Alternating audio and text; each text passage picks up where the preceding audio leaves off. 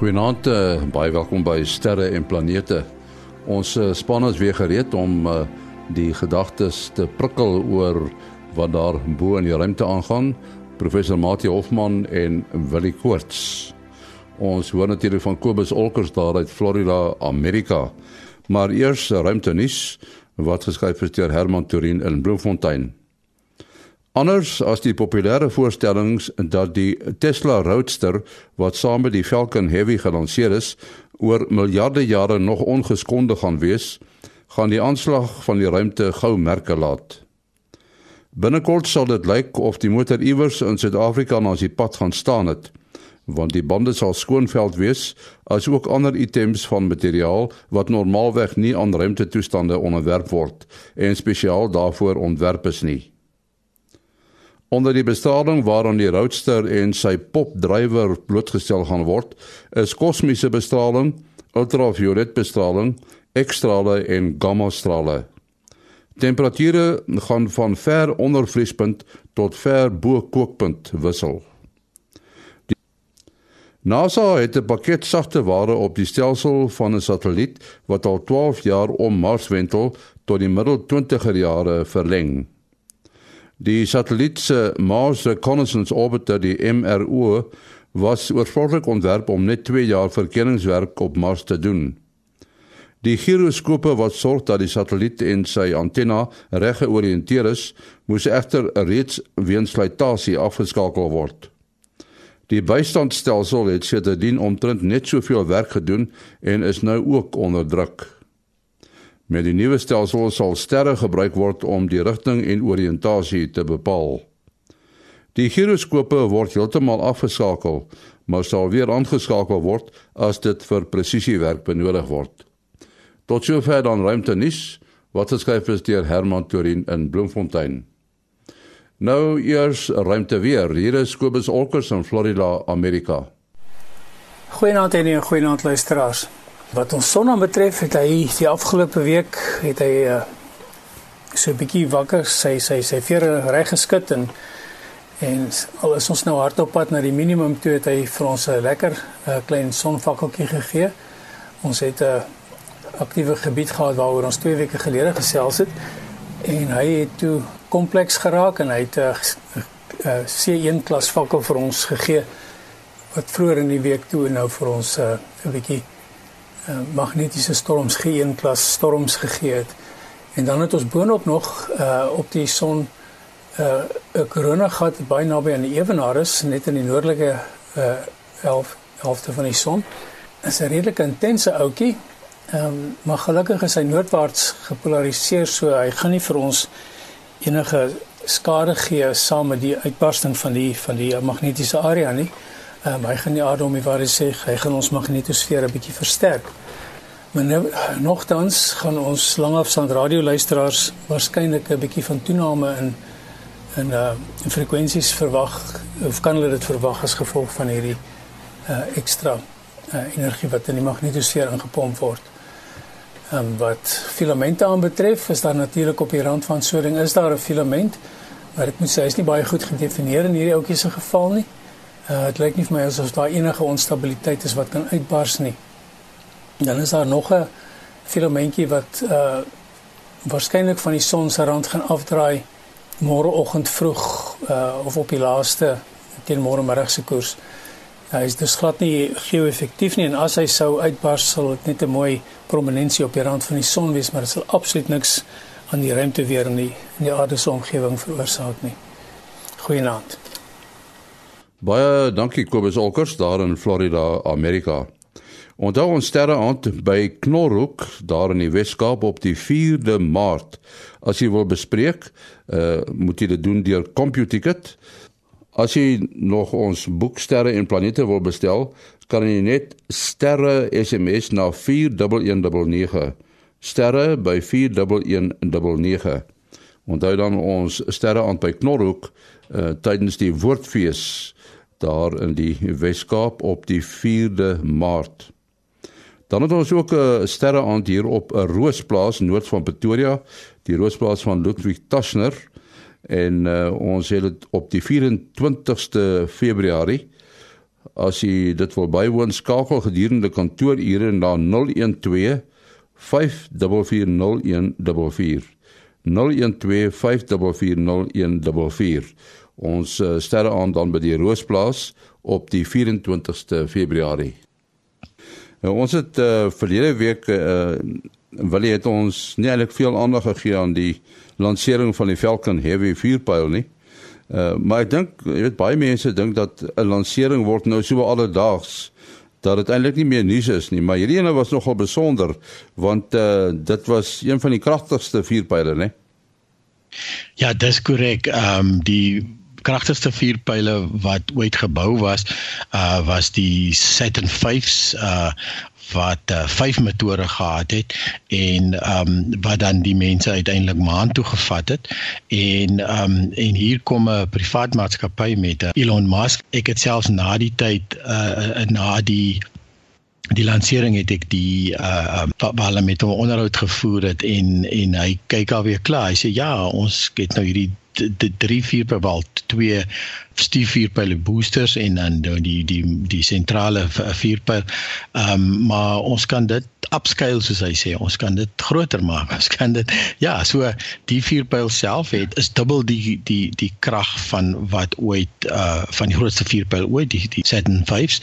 Dit kan 54 ton in die lug opneem. Nou nou die dag toe ons daar hier by die werk praat, toe dink ek by aan myself die uh, Houba meteoriet uh, wat nou die grootste ysmeteoriet op aarde is, die grootste meteoriet uh, op aarde is die enigste een behalwe die wat nog ontdek moet word wat nog lê waar hy geval het uh, in groot naby Grootfontein in Namibië weeg so geskatte 60 ton en gelukkig was die tegnologie nie das destyds hier in die 1920s daar nie. Alhoewel daar 'n spoorlyn nie ver daarvan af verbyloop nie maar dis 'n smal spoor wat nie 'n baie uh, goeie draagkapasiteit het nie anderstes sou hulle hierdie sou hulle kon in 1920 kon hulle nie 'n 60 ton meteoriet verskuif nie en gelukkig ook vandag uh, lê hy presies daar waar hy geval het.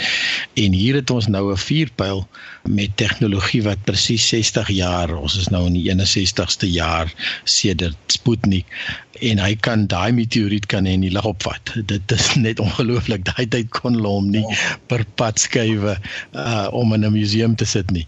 En uh 27 motore wat altesaam hardloop as hierdie uh as hierdie vuurpyl uh, uh, uh opstyg. En uh ongelooflik ook die manier wat die Elon Musk uh, Scope uh, SpaceX hierdie um ontwikkeling gedoen het want uh hierdie ding se naam is nou wel die Falcon Heavy. Mense het miskien al gehoor van die Falcon 9. So eintlik het jy hier 'n uh, vier pyl in die middel met twee Falcon 9s se eerste stadium as as sy boosters of sy stiefvuurpyle om hom in die lug op te vat. En die ding styg natuurlik is natuurlik ongelooflik om hierdie om hierdie ding te sien.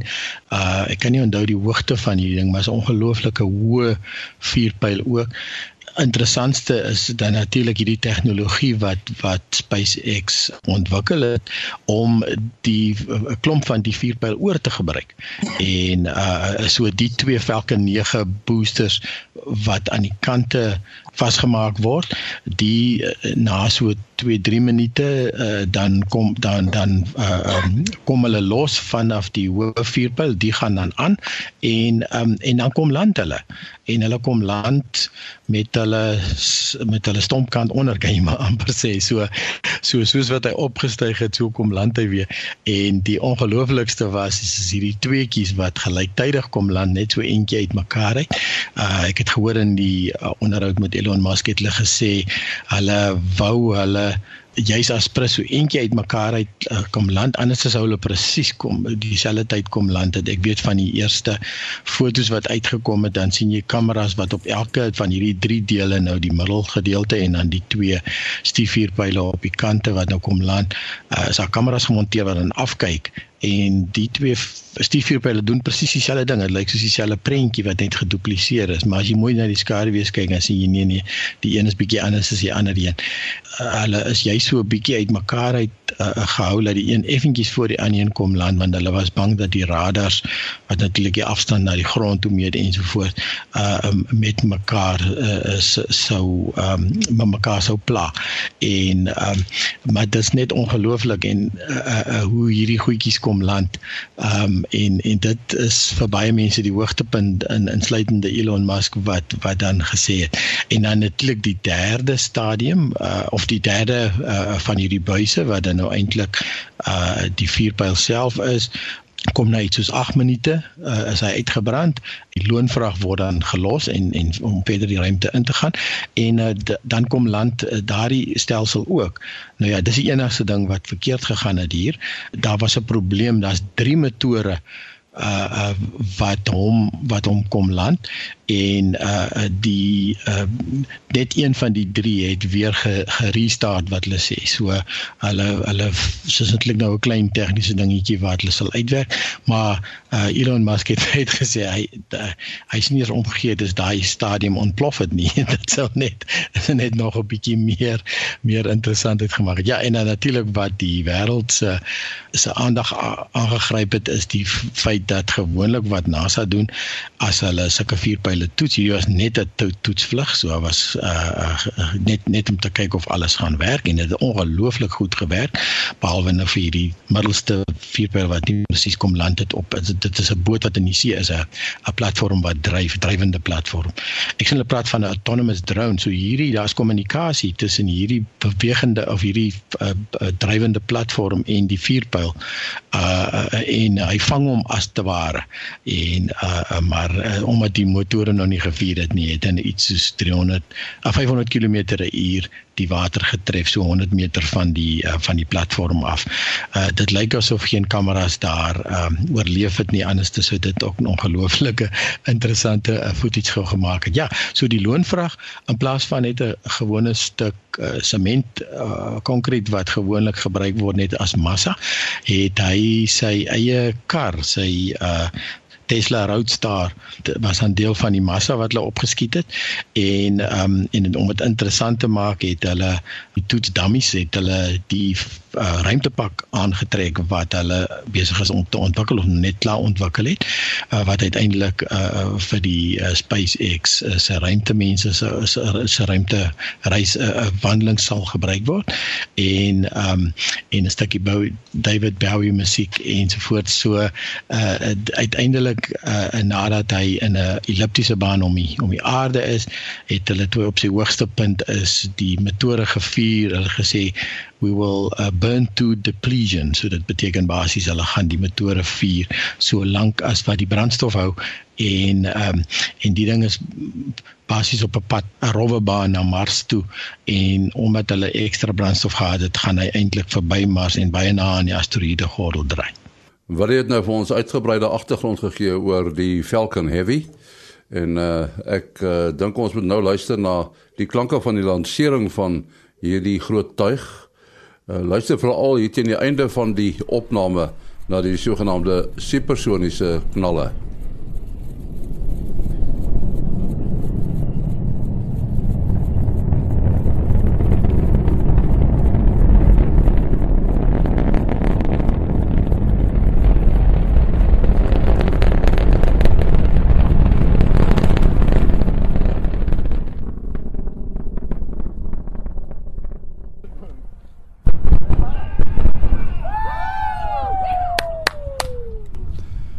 Ja, dit was dan uh die Falcon Heavy wat daar gelanseer is.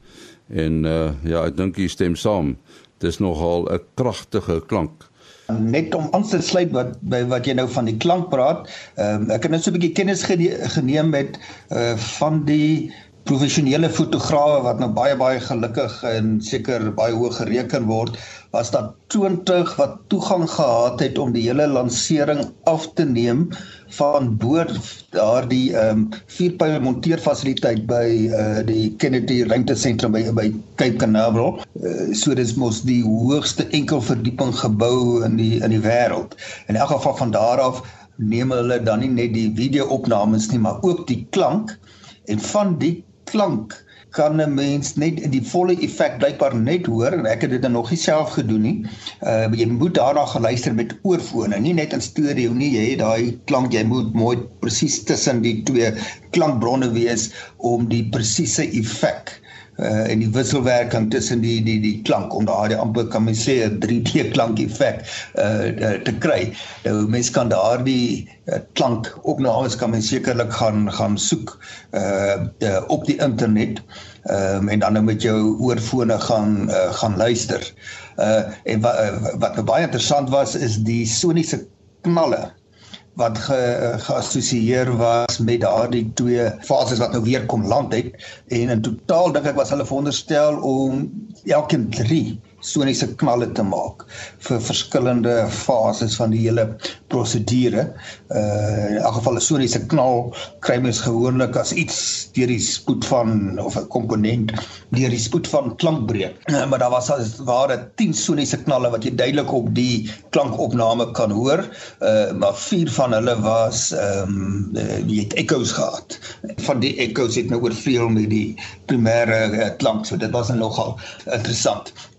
Nou wat vir my nou ook opgeval het van die hele uh, nuusdekking wat nou baie baie skouspelagtig was, weet nie almal het dit so intensief gevolg presies toe dit gebeur het. Die party mense nou eers die volgende dag begin kennis neem en baie het gereken hierdie fotos van die Tesla voertuig uh, dit is nou maar weet publisiteit rekenaar animasie uh, dit so 'n bietjie tyd geverg om mense te oortuig. Nee maar die die die motor is werklik in die oop ruimte. Hy word nou nog vasgehou uh, maar dit het moontlik gemaak om daai ongelooflike fotografie te kry met die uh, aarde in die agtergrond.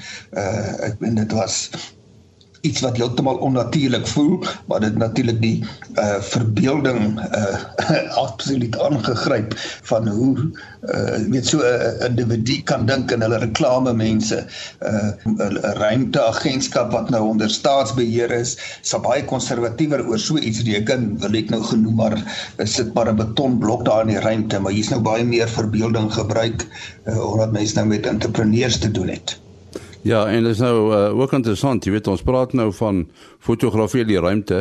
Natuurlik uh, uh, mense is bekend as mense die internet kyk van al die fotos wat geneem word uit die internasionale ruimtestasie van die aarde daaronder. So 4500 km daaronder. Maar ook interessant, uh, NASA is stadig aan besig om die befondsing en uh, ek dink hulle wil beoog om dit reg te kry. Uh, die befondsing vir die ISS oor te skuif na die private sektor. Nou ons weet uh, SpaceX is een van die privaat sektor uh, maatskappye wat in die ruimte aktief is. Natuurlik Jeff Bezos is ook as 'n privaat sektor betrokke by uh, by ruimtevaart. So dit is 'n interessante wending, né, nee, maatie dat uh, dit uh, oorskuif van een van die noem dit nou maar regeringsorganisasies na die privaat sektor groot land soos Amerika waar die vrye ondernemingsstelsel goed werk en jy so geweldige groot voordeel van skaal het, werk dit lyk my goed. In die meeste van lande is sulke ruimteprojekte, ja, net nog die klein persentasie van lande wat wel lanserings kan doen, is dit maar net uh moontlik as daar baie groot staatsbetrokkenheid is.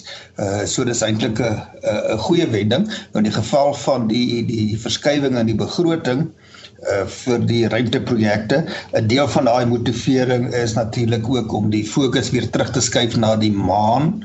Uh die idee van 'n basis op die maan te vestig uh teenoor die ruimtestasie wat nou al 'n internasionale poging is en al 'n hele klomp jare aan die gang is. Uh so ek neem aan dat die die gedagte dan ook is dat die die privaat maatskappye ook in daai poging betrokke sou wees. Hulle is anders reeds betrokke in die geval van SpaceX uh, spesifiek by die neem van vrag na die na die ruimtestasie toe. Ja, nee, Russe die speel ook nog 'n rol, né, met hulle uh, Soyuz.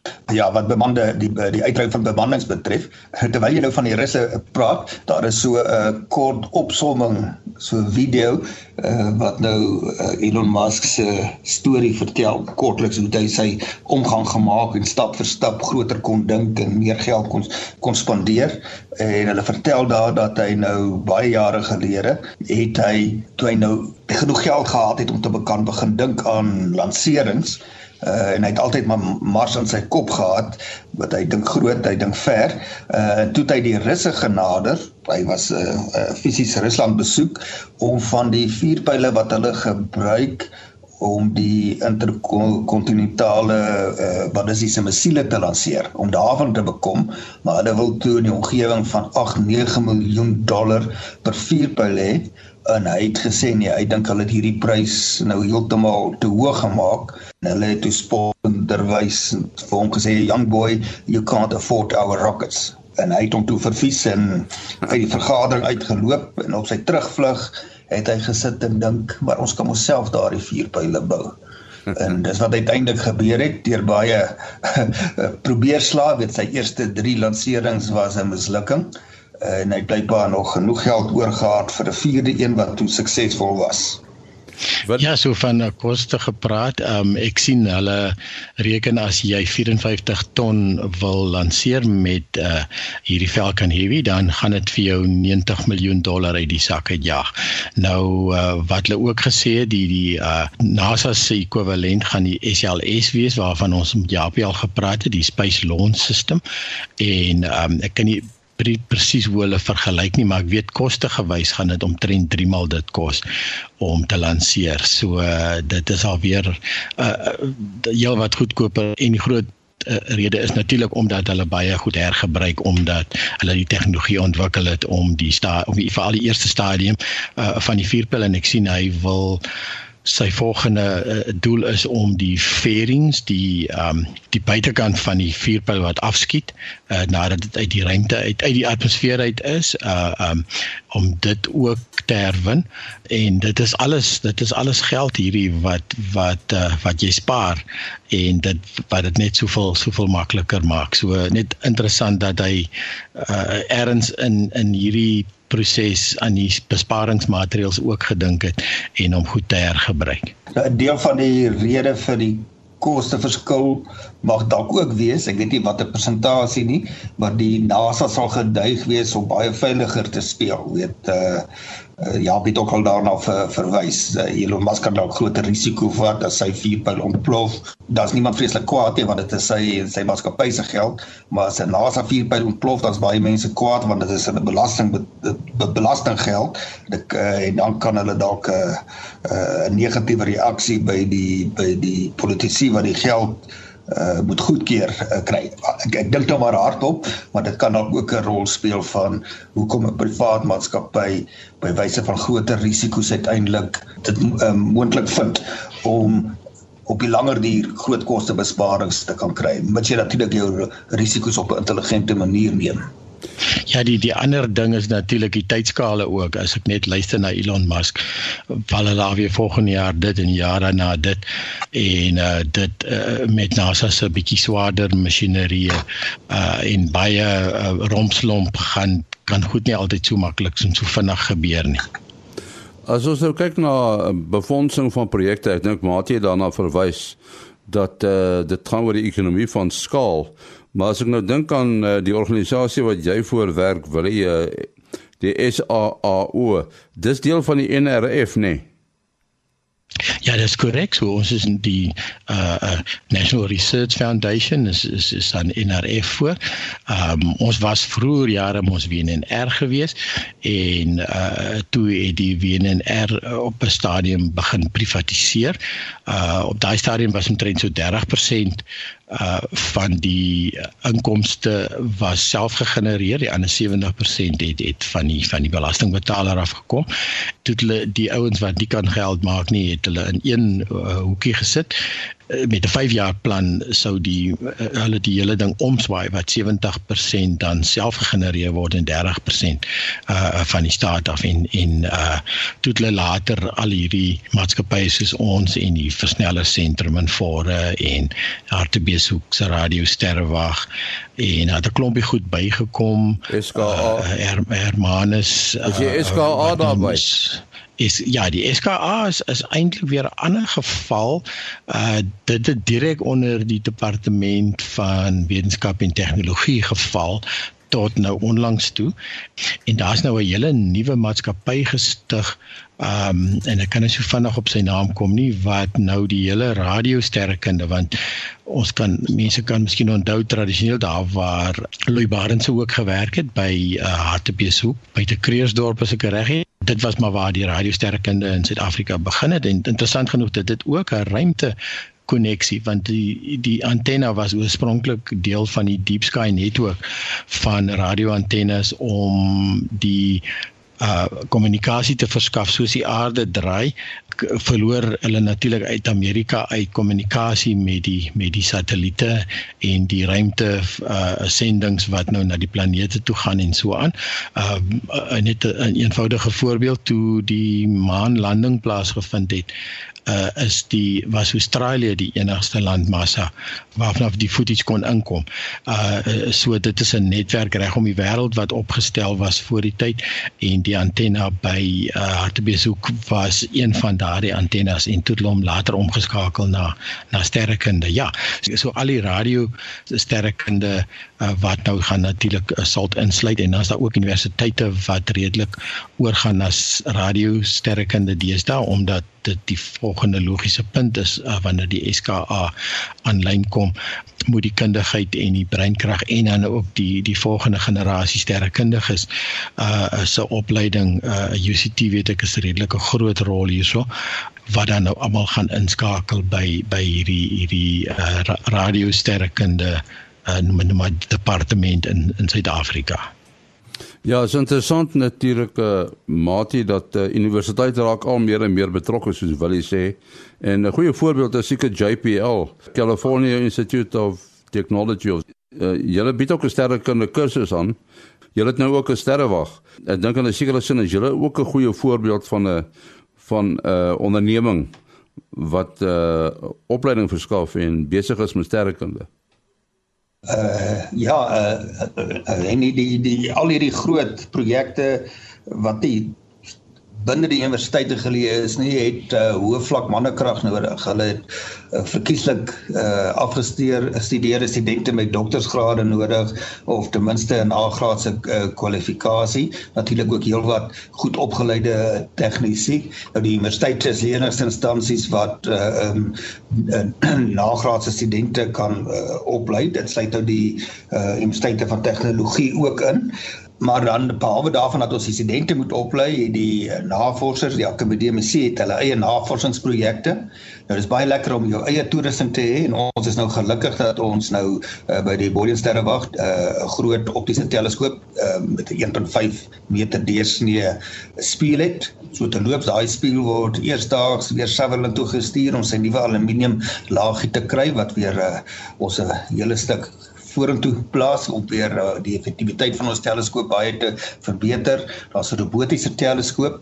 Uh, maar ons studente behalwe dat hulle nou die voordeel het om uh weet werklik self op 'n teleskoop te werk um, en al die prosedures te leer ken, probleemoplossing, het dan ook die voorreg om die nasionale fasiliteite te gaan te kan gebruik. So hier wat van ons nagraadse studente gaan besoek Sutherland, uh, gaan werk op die 1.9 meter teleskoop van hulle het al van ons projek het al data met die SALT teleskoop die die reuse teleskoop uh, gekry en baie keer is daar gelyktydige waarnemings 'n uh, uh, programme. So dis baie opwindend waar jy nou saamwerk met sterrekundiges uh reg oor die wêreld waar daar nou gelyktydig waarnemings in verskillende golflengtes uh, gedoen word. Ons moet afsluit. Uh Mate jou besonderhede. Uh selfoonnommer 083 625 7154. 083 625 7154. En dan uh, Willie? Ja, is 072 4579208. 072 4579208. En my uh, e-posadres maas.henny@gmail.com. maas.henny@gmail.com. Tot volgende week. Mooi loop.